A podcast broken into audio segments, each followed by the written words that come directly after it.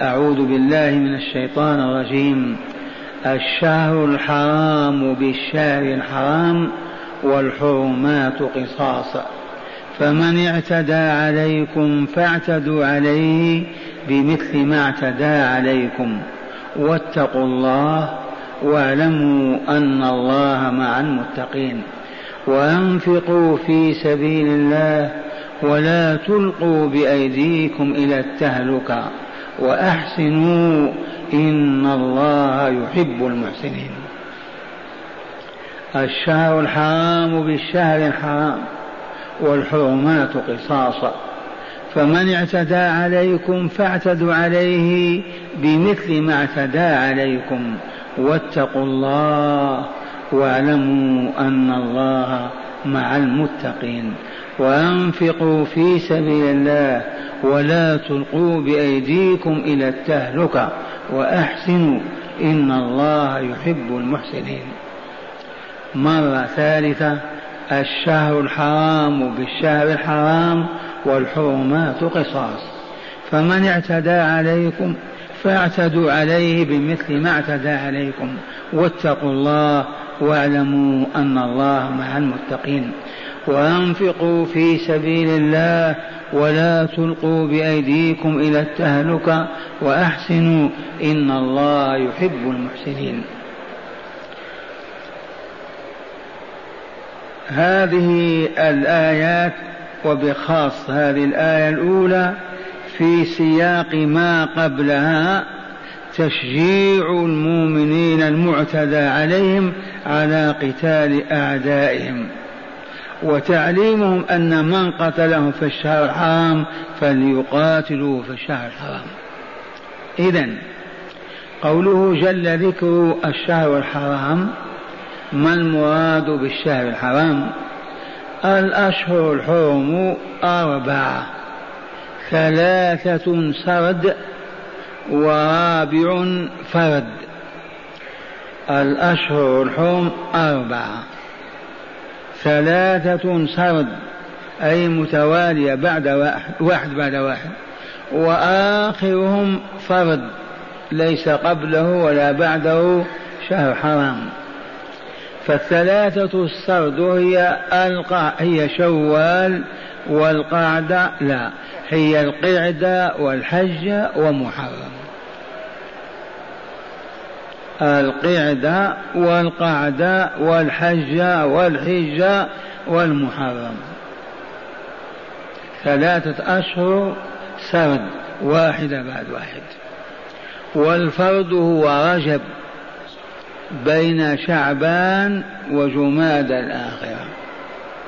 ويقال فيه رجب الأصم لأنك لا تسمع فيه صوت السلاح. وقعقعته.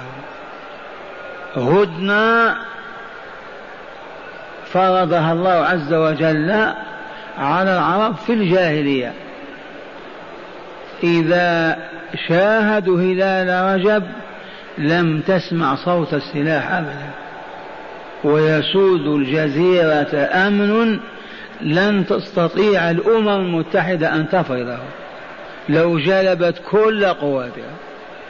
ولكن تدبير الله. ويقال فيه رجب الأصب لأن الخير يصب فيه صبا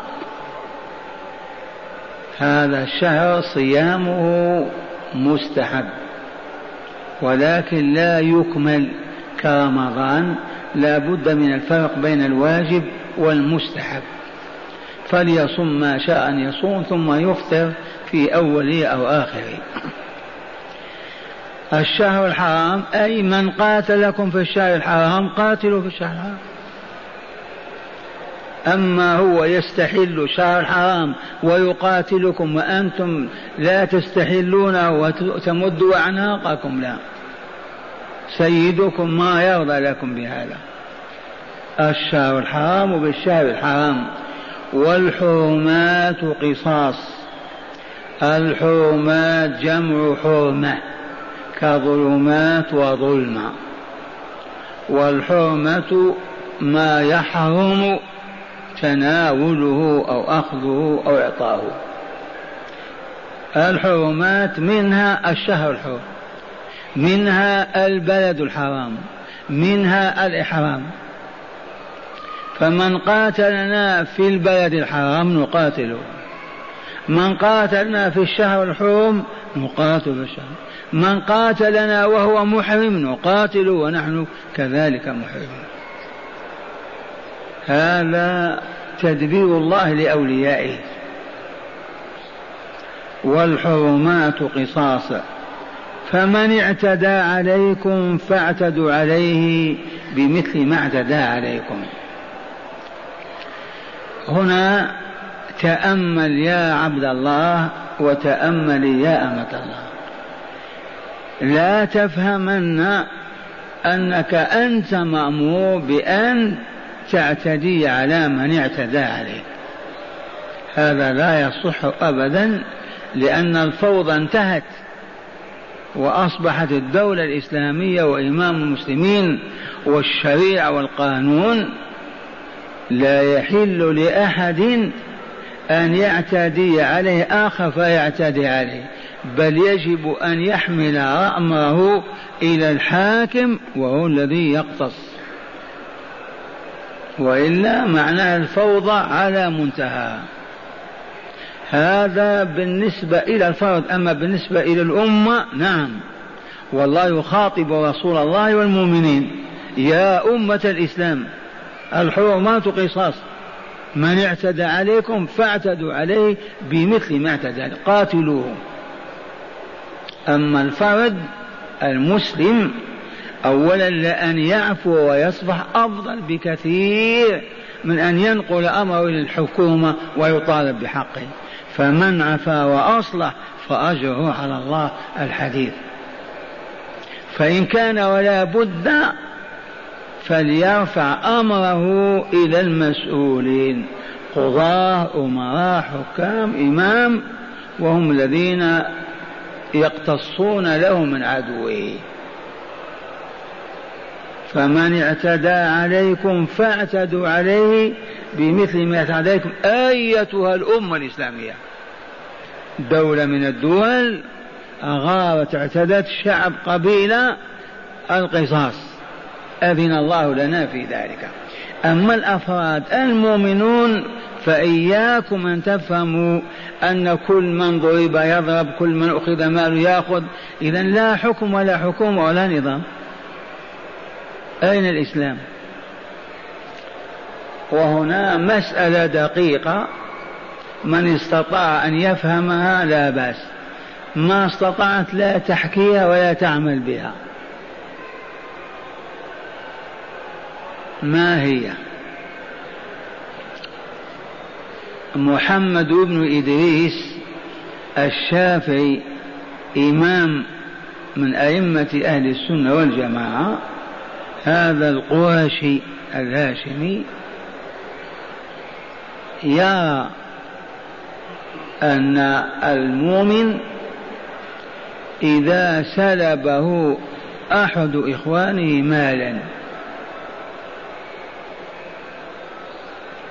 تأكد أن فلان أخذ نعجته أو أخذ ثمرته أو أخذ ثوبه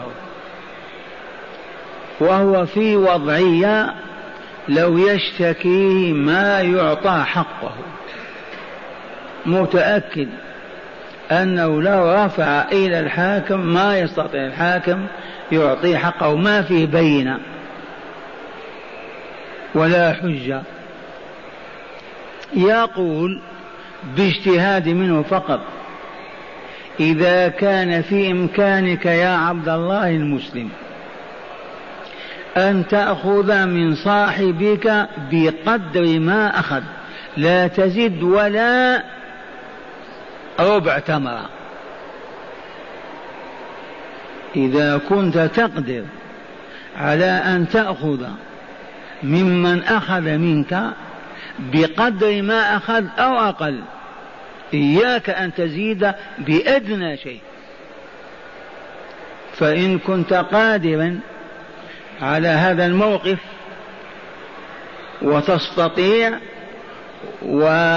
وتستطيع أن لا يعلم بك فتتهم بالسارقة ويقام عليك الحد بقطع يدك.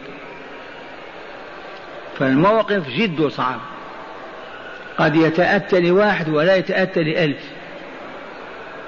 لكن في بلاد ما فيها حكم عادل ولا ولا وأخذ لي فلان أنا موقن أنه أخذ لي نعجة وأنا في حاجة فإن كنت أعلم أنني آخذ نعجة دون نعجته في السمن والهسم أقل. ولا يطلع علي أحد لا بأس لأني ما ظلمت استرددت حقي فقط. ومن الخير أن يترك هذا. فوض أمرك إلى الله واعف واصفح والله يعوضك.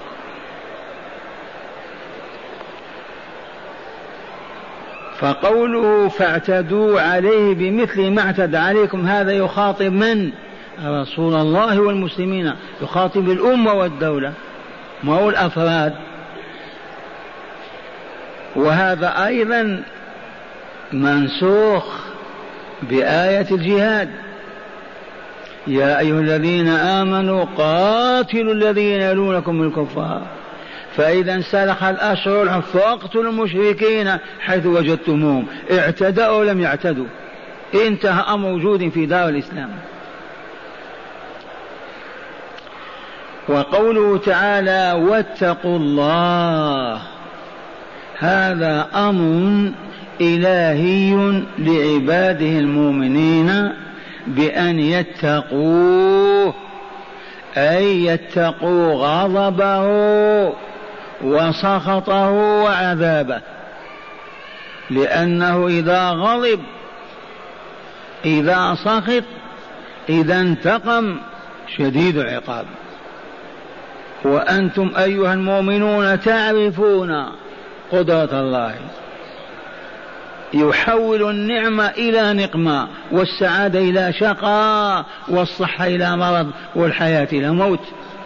أمم يقلب عليهم الأرض. إذا فاتقوا الله.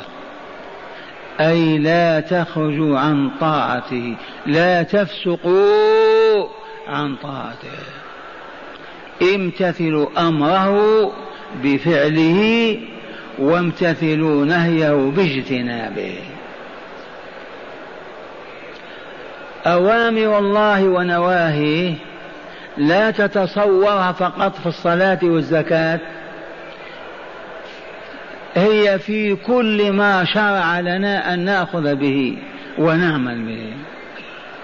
الجهاد فريضة الله وعرفنا حكمه بالأمس وبيناه هذا الجهاد لا بد له من عدة.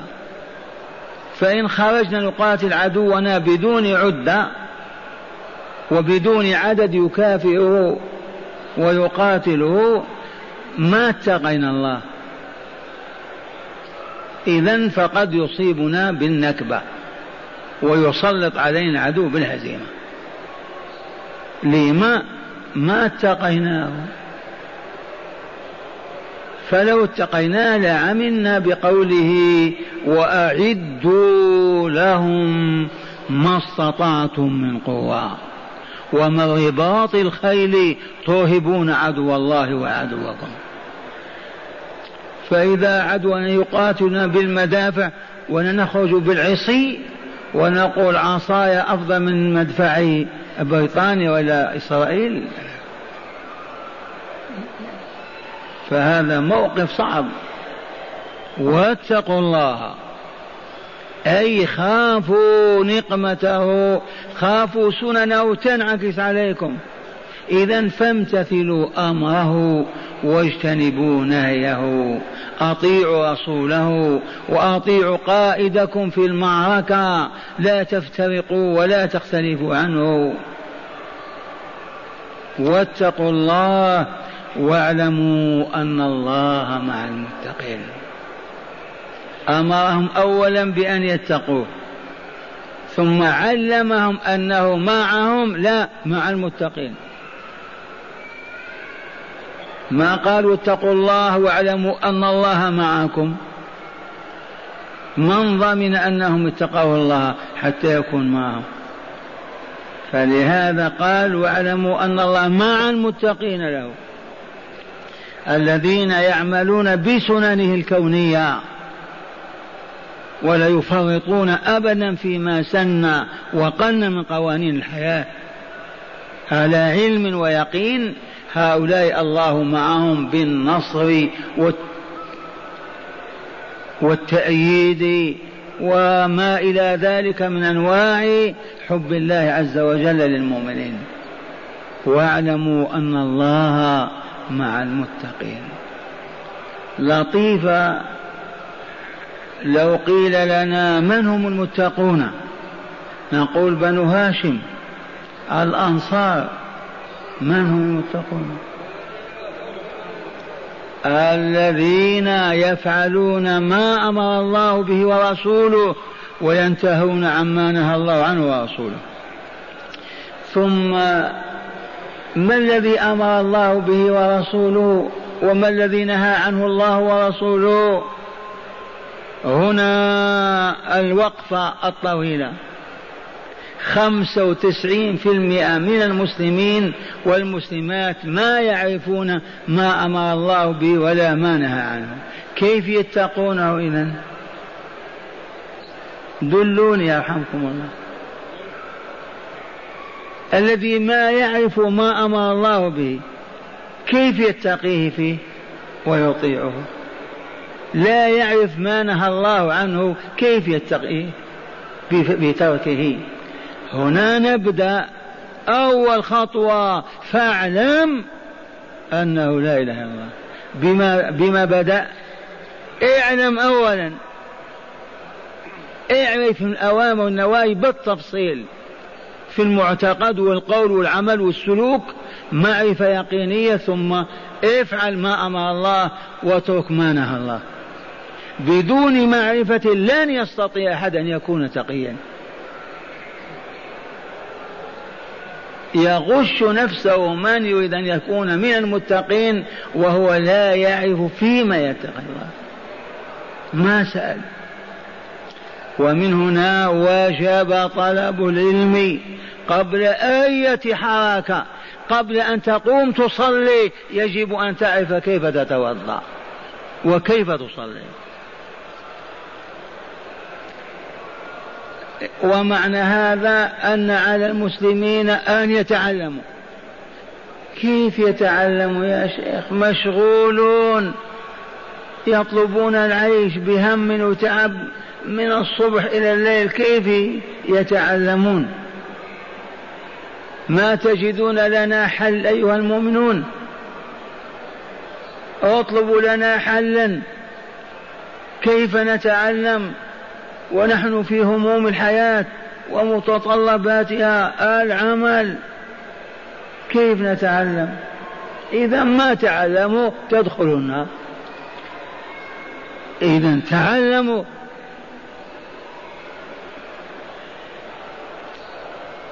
من يسأل ما الطريق إلى أن نتعلم؟ الجواب معروف. مللناه بالتكرار. اعملوا أيتها الشغيله أيها العامله في المزارع في المصانع في الدكاكين في ما ما حتى في السماء. صاعدين هابطين بالمظلات. إذا دقت الساعة السادسه مساء أوقفوا دولاب العمل تطهروا البسوا ثيابكم الطاهرة النظيفة. ألقوا بثياب العمل واحملوا نساءكم وأطفالكم وأموا بيت ربكم المسجد الجامع وليجلس النساء وراء الستار والأطفال دونهن والفحول أمامهن ويجلس لهم عالم رباني يعرف عن الله ورسوله. ليلة آية وليلة وليلة حديثة ليلة آية تعلمون وليلة حديثة طول العام. لا طول الحياة. هذا نظام حياتنا. لأننا نتهيأ لنخترق السبع طباق وننزل بالملكوت الأعلى. فلا يشق علينا أبدا أن ننقطع إلى الله ساعة ونصف أو ساعتين في بيته. ويتم لنا والله العلم الكامل. ما يبقى في القرية ولا في الحي رجل ولا مرأة. لا يعرف ما أحل الله ولا ما حرم. لا يعرف ما أوجب الله ولا ما حرم. فقط بالسماع يا شيخ ما يمكن السماع هذا نتعلم به. وأصحاب نبيك صلى الله عليه وسلم ونساء تعلموا بهما بالقراطيس والأقلام. جلهم ما يقرأ ولا يكتب. هذا العلم ما يتطلب أبدا قراءة ولا كتابة. هذا إعلم واعمل فقط. تعلمت مسألة طبقها الليلة. فيرسخ العلم في جسمك كاملا في كل حواسك. إذا قلنا ما نستطيع هذا نريد ننفي عن أنفسنا. إذا تركنا العمل نمشي إلى المقاهي ونريح أنفسنا يعني كاليهود والنصارى. إذا لا بأس لكن لا ترفع رأسك للسماء ولا تطمع أن تدخل الملكوت كن كالهابطين إلى الدركات السفلى. يا شيخ هذه مبالغة. أنا أسألكم بالله هل بلغكم حكم الله الصادر علينا؟ ما نص هذا الحكم؟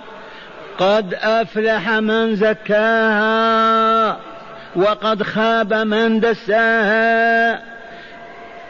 زكاها أي نفسه بما يزكيها بالبقلاوة بالرز واللحم بالرقص بما يزكيها. دلوني. بما شرع من هذه العبادات التي تؤدى على الوجه الذي شرعت لتنتج الزكاة والطهور النفسي وفي نفس الوقت يتخلى ويبعد عن كل ما من شأنه أن يدسي نفسه كالكذب والنظر المحرمة إلى الكفر والشرك. وجهاد متواصل حتى الموت. ما هو بالأمر الهين أن تغمض عينيك وأنت في الملكوت الأعلى مع مواكب النبيين والصديقين والشهداء والصالحين. من أين لنا هذا؟ لكن ضاعت قرون عديدة لآبائنا وأمهاتنا وأجدادنا وهم كالبهائم. والآن أفقنا ما زلنا. ثلاثة أرباع المسلمين ما يعرفون الله ولا مراده ولا محبته ولا بغضه. هل فهمتم لم ما تبلغون هذا؟ أسألكم حتى لا نلوم الغائبين. لم أنتم لا تبلغون؟ الشيخ يبكي كل ليلة أدى الواجب. وأنتم لما كل صاحب حي لما ما يقول لأهل الحي تعالوا نصلي المغرب والعشاء في مسجدنا. ناتي ببناتنا ونسائنا ونتعلم كتاب الله وسنة رسول الله. حتى نخرج من ظلمة الجهل حتى نزكي أنفسنا. أهل القرية كذلك. الجواب لا لا لا, لا. لما؟ الأمر لله. كلامي هذا كان المفروض رؤساء البلديات يطبقونه. والله العظيم. شيخ القريات يا معشر المؤمنين أنتم ماذا تصنعون بعد نهاية العمل؟ تعالوا إلى بيت الرب. كلنا نتعلم الكتاب والحكمة. لنزكي أنفسنا لنهذب أخلاقنا لنتأدب بآداب نبينا لنكمل نكمل نكمل. وإذا صلينا العشاء شبعنا. ما نقضي أغاني ولا لهو ولا باطل حتى الأكل والله تفاحة تكفيك ممكن. وتنام مع الملائكة. الجواب لا. غنوا زمروا. تباتم اعبثوا وتناموا مع الشياطين. هذا واقعنا المر. رضينا أم أبينا؟ حتى نتوب إلى الله توبة الصدق ونعود إليه بحق. قال واعلموا أن الله مع من؟ مع المتقين. من هم المتقون؟ الذين عرفوا فيما يتقون الله من الفعل والترك وفعلوا المأمور وتجنبوا المنهي. أولئك هم المتقون. أولئك الله معهم. لن يخذلهم ولن يسلط عليهم عدوهم ولن يكربهم ولن يحزنهم أبدا لا في الدنيا ولا في الآخرة. للبيان السابق الذي أعلنه تعالى من كذا ألا إن أولياء الله لا خوف عليهم ولا هم يحزنون. اللهم اجعلنا منهم. تعرفون من هم؟ المؤمنون المتقون. هم أولياء الله كأن سائل يقول يا ربي من هم أولياؤك؟ قال الذين آمنوا وكانوا يتقون. وقوله تعالى وأنفقوا في سبيل الله ولا تلقوا بأيديكم إلى التهلكة. الإنفاق في سبيل الله إنفاق ماذا؟ الطاقات. المال العقل البدن. أنفق في سبيل الله. أي سبيل الله هذه؟ ما نعرفها. ما سبيل الله؟ أجيبوا الإسلام الموصل إلى جوار الله في الملكوت الأعلى سبيل الله أن يعبد الله وحده. وتعبد البشرية كلها ربها حتى تصل إلى جواره في الملكوت الأعلى. ولا تلقوا بأيديكم إلى التهلكة. التهلكة والهلك والهلاك بمعنى واحد.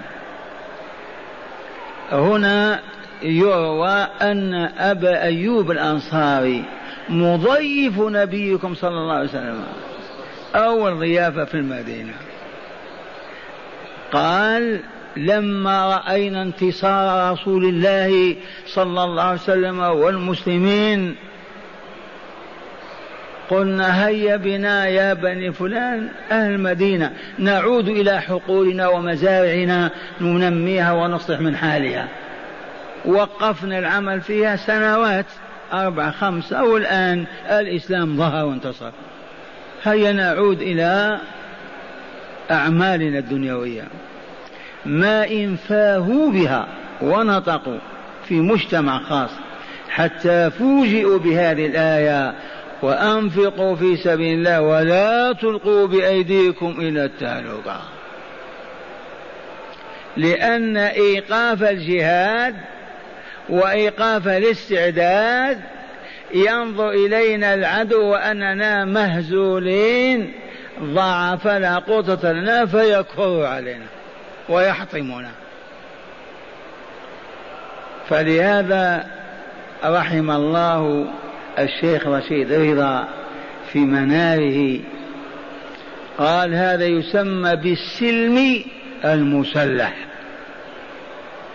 على الأمة أن تعد العدة ما أمكنها. وإن كانت لا تنوي القتال وليس هناك من يخامره أن يقاتلها. معاهدات أمن كامل كما هي أحوالنا. في هذا الوقت بالذات يجب أن تكون عدتنا أعظم عدة. أنواع السلاح على اختلافها أنواع استعمالها أنواع رجالها و و و وإن كان ما لنا أمل في أن نقاتل. إذا شاهد العدو تلك القوة لا يفكر في الإغارة عنا ولا في قتالنا. أما إذا ميز وقدر وعرف كميات سلاحنا وما عندنا إذا يدفع الشيطان إلى أن يغير علينا. ولهذا قال لنا تعالى وأعدوا لهم ما استطعتم. يعني في حدود قدرتكم. يعني من القدرة اسمعوا أيها المواطنون من الآن لا نأكل أكلة الصباح أبدا. نكتفي بالغداء والعشاء ونفقة الصباح هذه خمس ريالات كلها في ميزان الجهاد. ما أصبحت دولة أخرى أقوى منا. يعلن الإمام اسمعوا نكتفي بأكلة واحدة في الأربع وعشرين ساعة. وثمن تلك الأكلة في ميزانية الجهاد وإعداد العدة. والله لك ما تسمعون. وإلا كيف أقول ما استطعتم؟ وأعدوا لهم ما استطعتم من قوة أي أبذلوا ما تستطيعونه. وكوننا نحرم أكل في اليوم مثلا لأن نصبح أهل عتاد حربي ما هو بشيء أبدا. في سبيل إبقائنا أحياء سعداء أطهارا أصفياء حتى لا يسلط علينا خبيث منجز كافر مشرك يذلنا ويهيننا ويفعل بنا العجب. فعل وإلا ما فعل.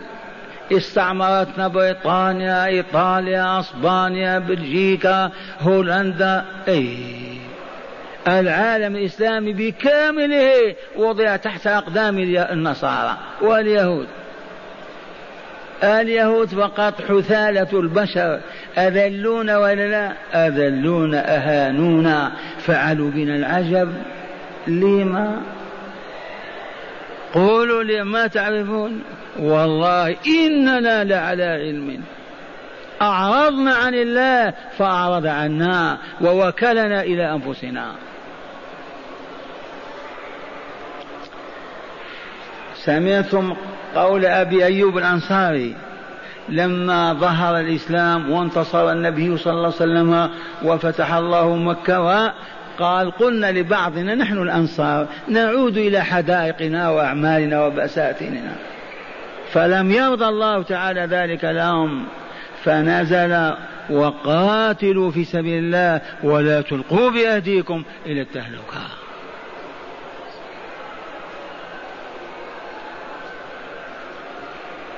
وقوله تعالى وأحسنوا أحسنوا. من هم المؤمنون؟ أحسنوا لا تسيئوا. ما هو الإحسان؟ الإحسان بالمعنى الحقيقي هو ثلث الإسلام. الدين الإسلامي السبيل الموصل إلى الله يعتمد يتكون من ثلاث خطوات الإيمان الإسلام الإحسان. وخطوة الأخيرة الإحسان أعظم من الإيمان والإسلام. لما إذا لم يحسن إيمانه أو إسلامه ما انتفع به. فالإحسان معناه العام إلى الفقراء المساكين المحاويج إلى إلى إلى الأقارب إلى إخوانك المؤمنين بالابتسامة والسلام عليكم والنصرة وما إلى ذلك. كل إحسان. لكن الإحسان الخاص هو أن تعبد الله عبادة من شأن أن تنتج لك القوة والكمال والطهارة والنظافة والسعادة في الدنيا والآخرة. بمعنى تطبق شرع الله تطبيقا تاما فينتج هذه الكمالات. ولا يتم لك ذلك إلا إذا كنت تعيش مع الله. لا تفارق الله أبدا. أنت معه. إذا أردت أن تقول كلمة استأذن نقول يا ربي وإلا لا. فإن كانت حلالا نافعة أذن لك. كانت حراما ضارة قال لا تقل. لا تنظر نظر إلا بإذنه لا تأكل لقمة إلا بإذنه لا تمشي خطوة إلا بإذنه لا تنام ساعة إلا بإذنه أنت مع الله. فالذين يعيشون مع الله والله معهم هؤلاء لن يضرهم شيء ما داموا مع الله. ويشهد لهذا قوله صلى الله عليه وسلم الإحسان يا جبريل تسألني عنه أن تعبد الله كأنك تراه. فإن ضعفت عن هذه المرتبة السامية ونزلت فاعبده وأنت تعلم أنه يراك. أما أن تعبده ولا أنت تراه ولا تعتقد أنه يراك والله لن تحسن العبادة. حتى ولو كان الوضوء ما تتقنه. لا يمكنك أن تحسن العبادة حتى تنتج الطاقة الحقيقية من النور إلا إذا كنت تراقب الله في ذلك. مع مراقبة الله ما تستطيع أن تعبث أو تزيد أو تنقص أبدا. تؤديها كما هي. فإذا أديتها كما هي تولد النور وإلا لا الحسنات.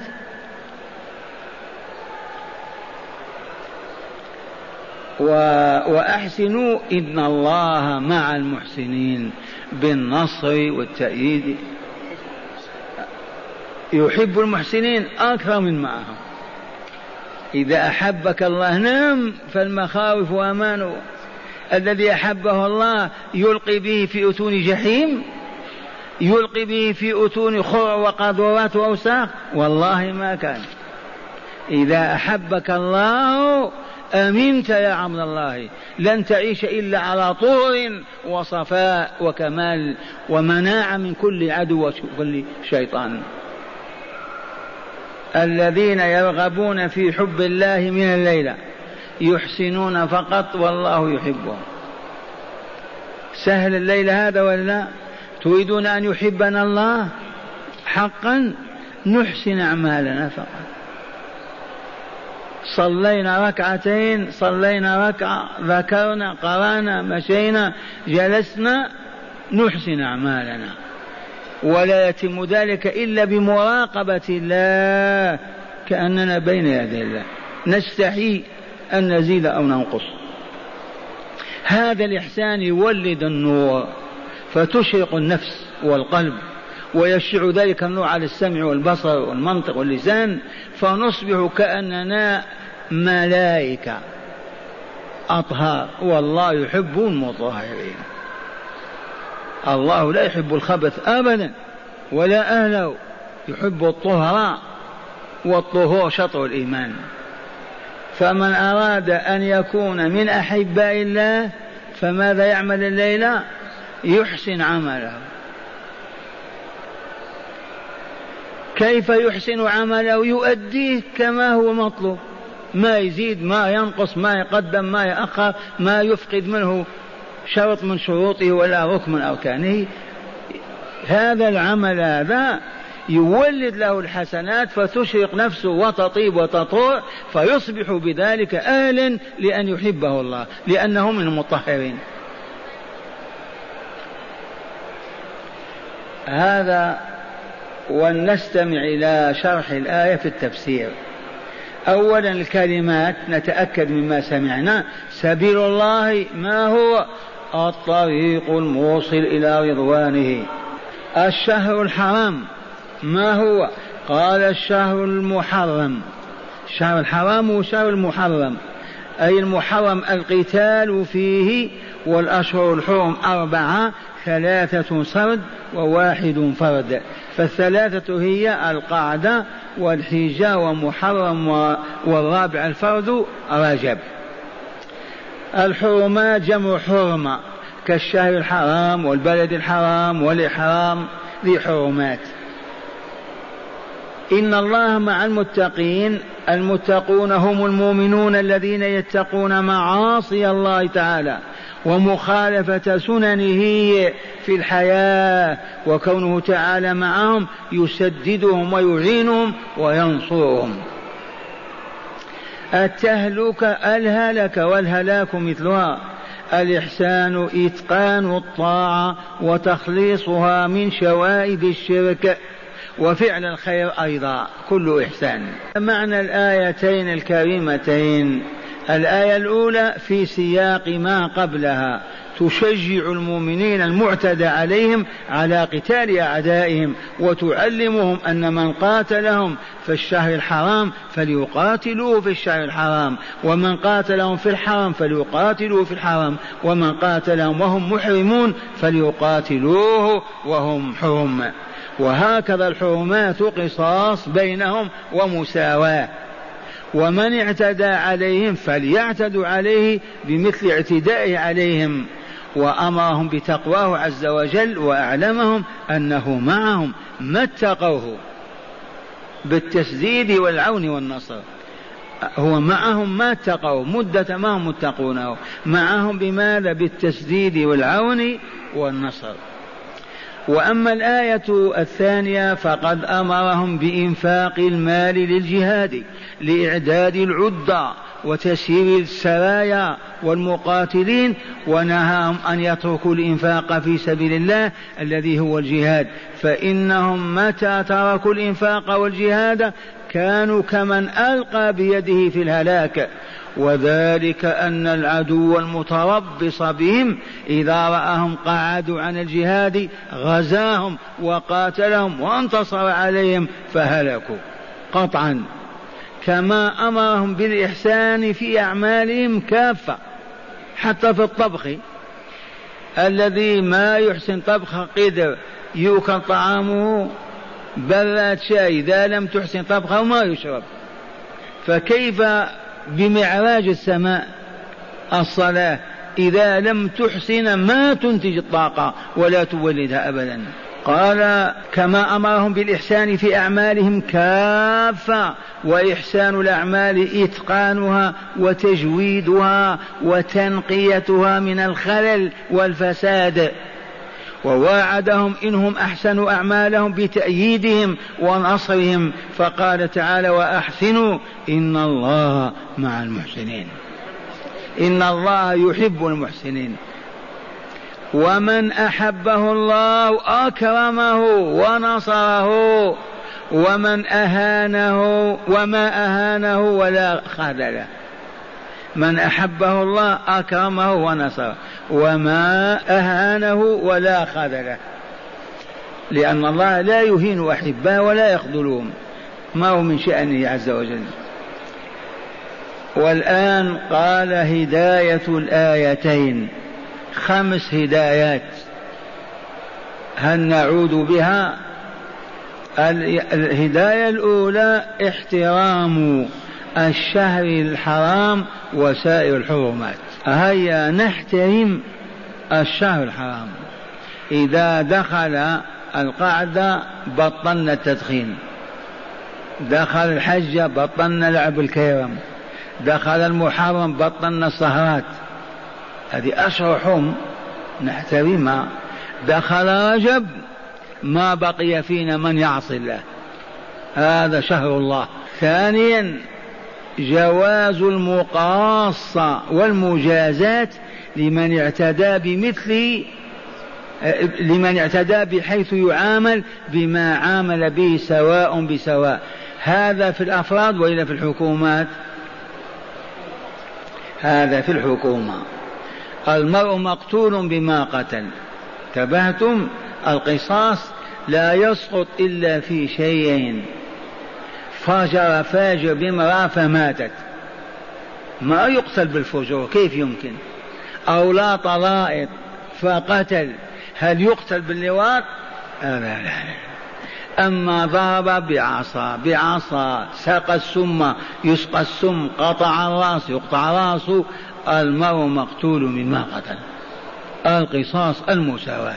المرء مقتول بما قتل. الحديث صحيح وإلا لا؟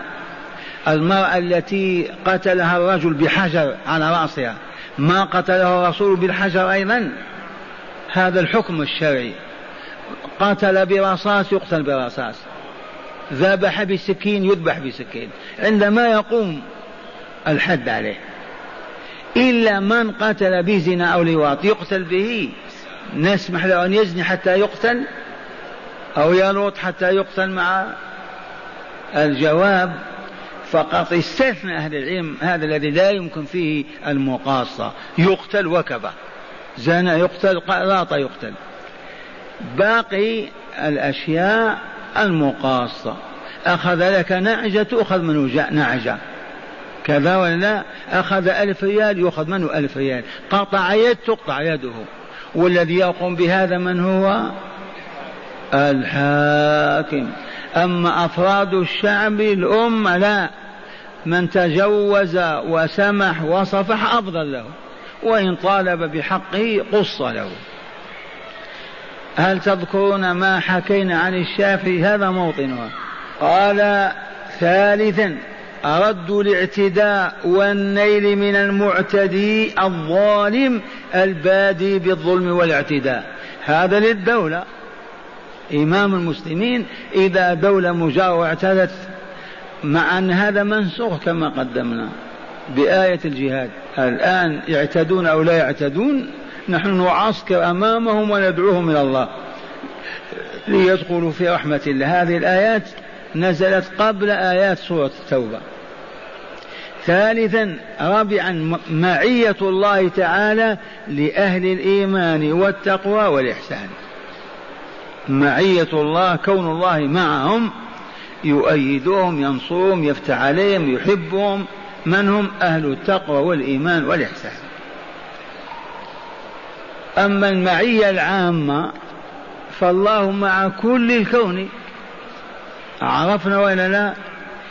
إذا كانت السماوات يطويها بيمينه أين البعد بيننا وبينه؟ نحن بين يديه حيث ما كنا.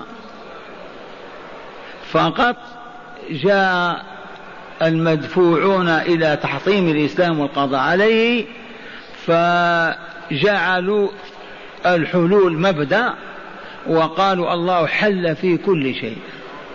تبهتم والله منزه أن يحل في هذه الأجسام الغارقة الباطلة الهاوية.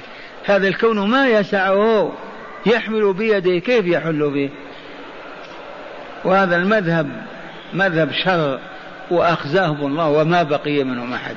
مذهب الحلولية. فلما نقول الله معنا بنصر وتأييده نعم. والله مع الكل أينما كانوا.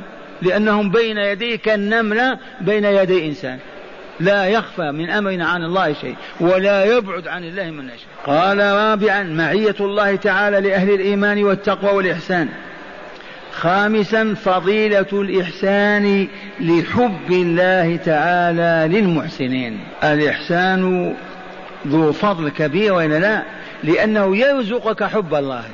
أي شيء يقرب من حب الله أحب الأشياء إليه. الإحسان يقرب من حب الله. فلهذا الإحسان فضيلة لا تساويها فضيلة. اللهم اجعلنا من المحسنين.